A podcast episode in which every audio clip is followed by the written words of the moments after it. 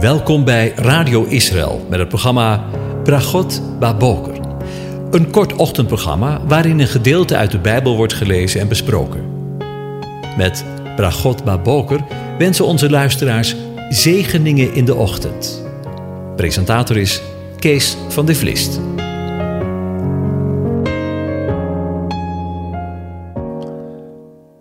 Goedemorgen, luisteraars. Vanmorgen denken we weer verder na over Psalm 119 en ervan de versen 33 tot en met 37. Ik lees ze aan u voor. Heere, leer mij de weg van uw verordeningen, en ik zal die in acht nemen tot het einde toe.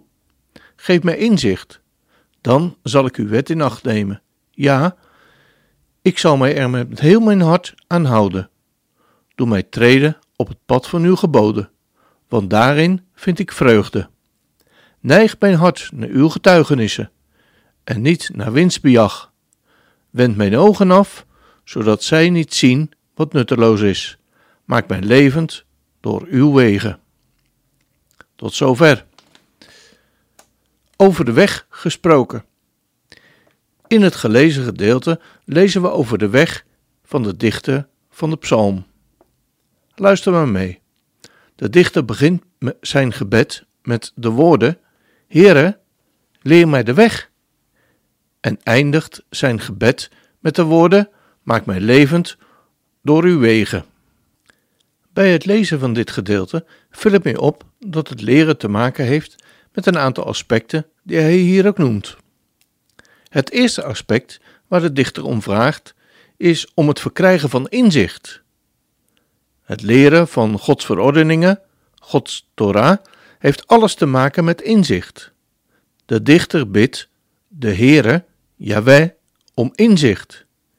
Inzicht krijgen in iets betekent onder meer dat je iets kunt doorgronden, iets begrijpen, of dat je het snapt hoe iets in elkaar zit. En de dichter vraagt en verlangt om Gods woord, want dat is in brede zin de Torah te doorgronden.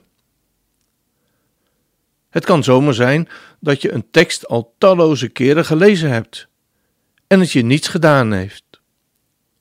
En dan ineens gebeurt het dat de woorden gaan oplichten en dat je de diepere betekenis die in de woorden ligt, tot je doordringen. Dat je de diepere betekenis gaat doorgronden. Het licht gaat er dan over schijnen. Ik weet niet hoe het jou vergaat, maar ik ervaar het altijd als geweldige momenten. Momenten om de Heer voor te danken. Het tweede aspect waar de dichter om vraagt, is om het pad van Gods geboden, Gods Torah, te betreden. Het gaat dus om zijn wandel. Het is natuurlijk geweldig en prachtig om inzicht in het woord van God te ontvangen en je te verwonderen over het woord van God dat je tot inzicht gekomen bent en dat het licht over zijn woord is gaan schijnen, over Gods woord. Maar als dat geen effect heeft op je wandel, op je handel, op je gedrag, dan heb je misschien wel verstandelijk begrepen dat het wat het woord van God spreekt, maar draai je als het ware om en ga je vervolgens weer je eigen weg. Paulus zegt ervan in Romeinen 2, vers 13. Niet de hoorders van de wet zijn immers rechtvaardig voor God, maar de daders van de wet, die zullen gerechtvaardigd worden. En Jacobus, de broer van de Heer Jezus, heeft daar ook iets over geschreven. Luister maar mee. Als iemand immers een hoorder van het woord is en geen dader, lijkt hij op een man die het gezicht waarmee hij geboren is in een spiegel bekijkt. Want hij heeft zichzelf bekeken, is weggegaan en is meteen vergeten hoe die eruit zag. Hij echter, die zich in de volmaakte wet verdiept, die van de vrijheid, en daarbij blijft, die zal, omdat hij niet een vergeetachtige hoorder geworden is, maar een dader van het werk, zalig zijn in wat hij doet.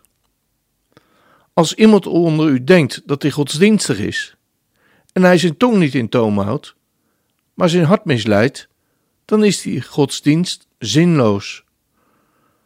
De zuivere en onbevlekte godsdienst voor God en de Vader is dit: wezen en weduwe bezoeken in hun verdrukking en zichzelf onbesmet bewaren van de wereld.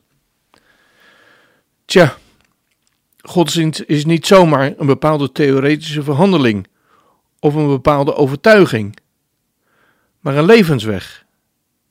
A way of life. Volgens mij hebben we daar als christenen nog een hele weg in te gaan.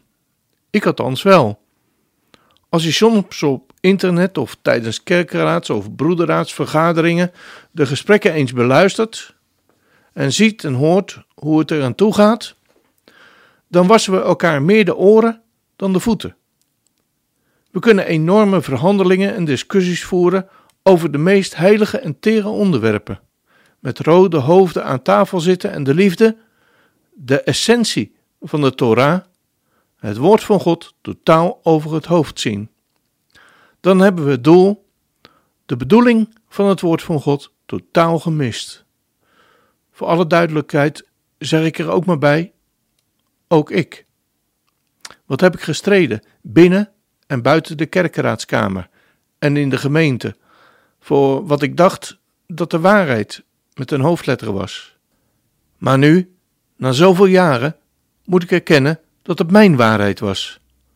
Dat alles wat ik wist en daar zo zeker van was, ik niet meer zo zeker van ben en ik gekomen ben op het punt dat ik nog maar één ding weet.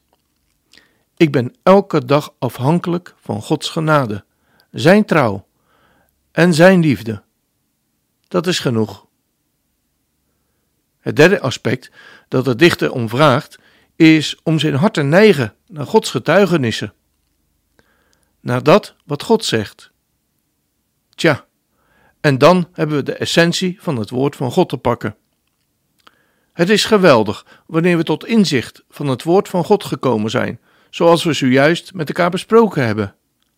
Maar als het niet diep van binnen tot je doorgedrongen is, heeft het geen effect op je leven, zoals we juist zojuist hebben gezien. Het woord hart, dat is een van de meest gebruikte woorden in de Bijbel. Het komt zowaar 876 keer voor. En dan spreekt het niet over een vitaal orgaan, een spier, die het bloed door ons lichaam pompt. Het hart is in bijbelse zin het geestelijke deel van ons, waar onze emoties en verlangens zich bevinden. Wij hebben een hart omdat God een hart heeft. David was een man naar Gods hart. En God zegent zijn volk met leiders die zijn hart kennen en volgen volgens 1 Samuel 2 vers 35 en Jeremia 3 vers 15. Het menselijke hart in zijn natuurlijke staat is slecht, verraderlijk en misleidend. Jeremia 17 vers 9 zegt: Arglistig is het hart, boven alles, ja, ongeneeslijk is het. Wie zal het kennen? In andere woorden, de zondeval heeft ons tot in het diepste wezen aangetast. Ons verstand, onze emoties en onze verlangens zijn bedorven door zonde. En we zijn blind voor hoe diep dit probleem eigenlijk is. Wij mogen onze harten misschien niet begrijpen, maar God doet het wel. Hij kent de geheimen van het hart, zegt Psalm 44, vers 22. En kijk ook maar eens in 1 Korinthe 14, vers 25. Jezus kende hen allen en hij had het niet nodig dat iemand van de mens getuigde, want hij wist zelf wat in de mens was. Lezen we in Johannes 22, vers 24 en 25. Uitgaande van zijn kennis van het hart kan God rechtvaardig oordelen. Ik, de Heere, doorgrond het hart en beproef de nieren, het verstand, en dat om ieder te geven overeenkomstig zijn wegen, overeenkomstig de vrucht van zijn daden, volgens Jeremia 17, vers 10. Jezus wees op de gevallen staat van ons hart in Marcus 7, vers 21 en 23, waar we lezen: Want van binnenuit, uit het hart van de mensen, komen voort kwade overwegingen, alle overspel, ontucht, moord, diefstal, hebzucht, allerlei kwaadaardigheden, bedrog, losbandigheid, afgunst, lastering, hoogmoed, dwaasheid. Al deze slechte dingen komen van binnenuit en verontreinigen de mens. Ons grootste probleem komt niet van buiten, maar van binnenuit. Wij hebben allemaal een hartkwaal. Zie je nu waar de dichter van de psalm om vraagt met de woorden: Neig of buig mijn hart naar uw woord? Hij vraagt erom dat God in zijn genade hem een nieuw hart geeft, dat het stenen hart vervangen wordt door een levend, kloppend hart voor de Heere. Het hart is de kern van ons bestaan en de Bijbel hecht er veel waarde aan dat wij ons hart puur houden. Bescherm je hart boven alles wat te behoeden is, want daaruit zijn de uitingen van het leven, zegt Spreuken 4, vers 23. En dan, als laatste vraagt de dichter, zijn ogen af te wenden, zodat zij niet zien wat nutteloos is. Onwillekeurig ga ik weer terug naar de tekst waar voor het eerst over de ogen van de mens gesproken wordt. Luister maar mee. En de vrouw zag dat die boom goed was om ervan te eten, en dat hij een lust was voor het oog, ja, een boom, die begerenswaardig was om er verstandig door te worden. En ze nam van zijn vrucht en at, en ze gaf ook wat aan haar man, die bij haar was, en hij at ervan. Toen werden de ogen van beiden geopend, en zij merkte dat ze naakt waren. Tja, Eva had al last van haar ogen, en ik moet eerlijk bekennen dat ik de vraag, het gebed van de dichter wel begrijp, dat hij zegt: wend mijn ogen af, zodat zij niet zien wat nutteloos is, of met een oud woord, ijdel is. Laten we daarom samen met Paulus danken en bidden met de woorden uit Efeze 2. Daarom, omdat ik gehoord heb, het geloof van u in de Heer Jezus en de liefde voor alle heiligen, houdt niet op voor u te danken, als ik in mijn gebeden aan u denk. Opdat de God van onze Heer Jezus Christus, de Vader van de heerlijkheid, u de geest van wijsheid en openbaring geeft in het kennen van Hem, namelijk verlicht de ogen van uw verstand, om te weten wat de hoop van zijn roeping is, en wat de rijkdom is van de heerlijkheid van zijn erfenis in de heilige, en wat alle overtreffende grootheid van zijn kracht is aan ons die geloven, overeenkomstig de werking van zijn sterkte en zijn macht, die hij gewerkt heeft in Christus, toen hij hem uit de doden opwekte en aan zijn rechterhand zette in de hemelse gewesten, ver boven alle overheid en macht en kracht en heerschappij en elke naam die genaamd wordt, niet alleen in deze, maar ook in de toekomende wereld. Ik wens u een van God gezegende dag toe.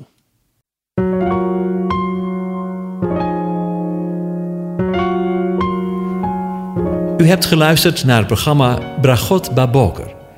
Een kort ochtendprogramma waarin een gedeelte uit de Bijbel wordt gelezen en besproken. Wilt u het programma nog eens naluisteren, dan kan dat.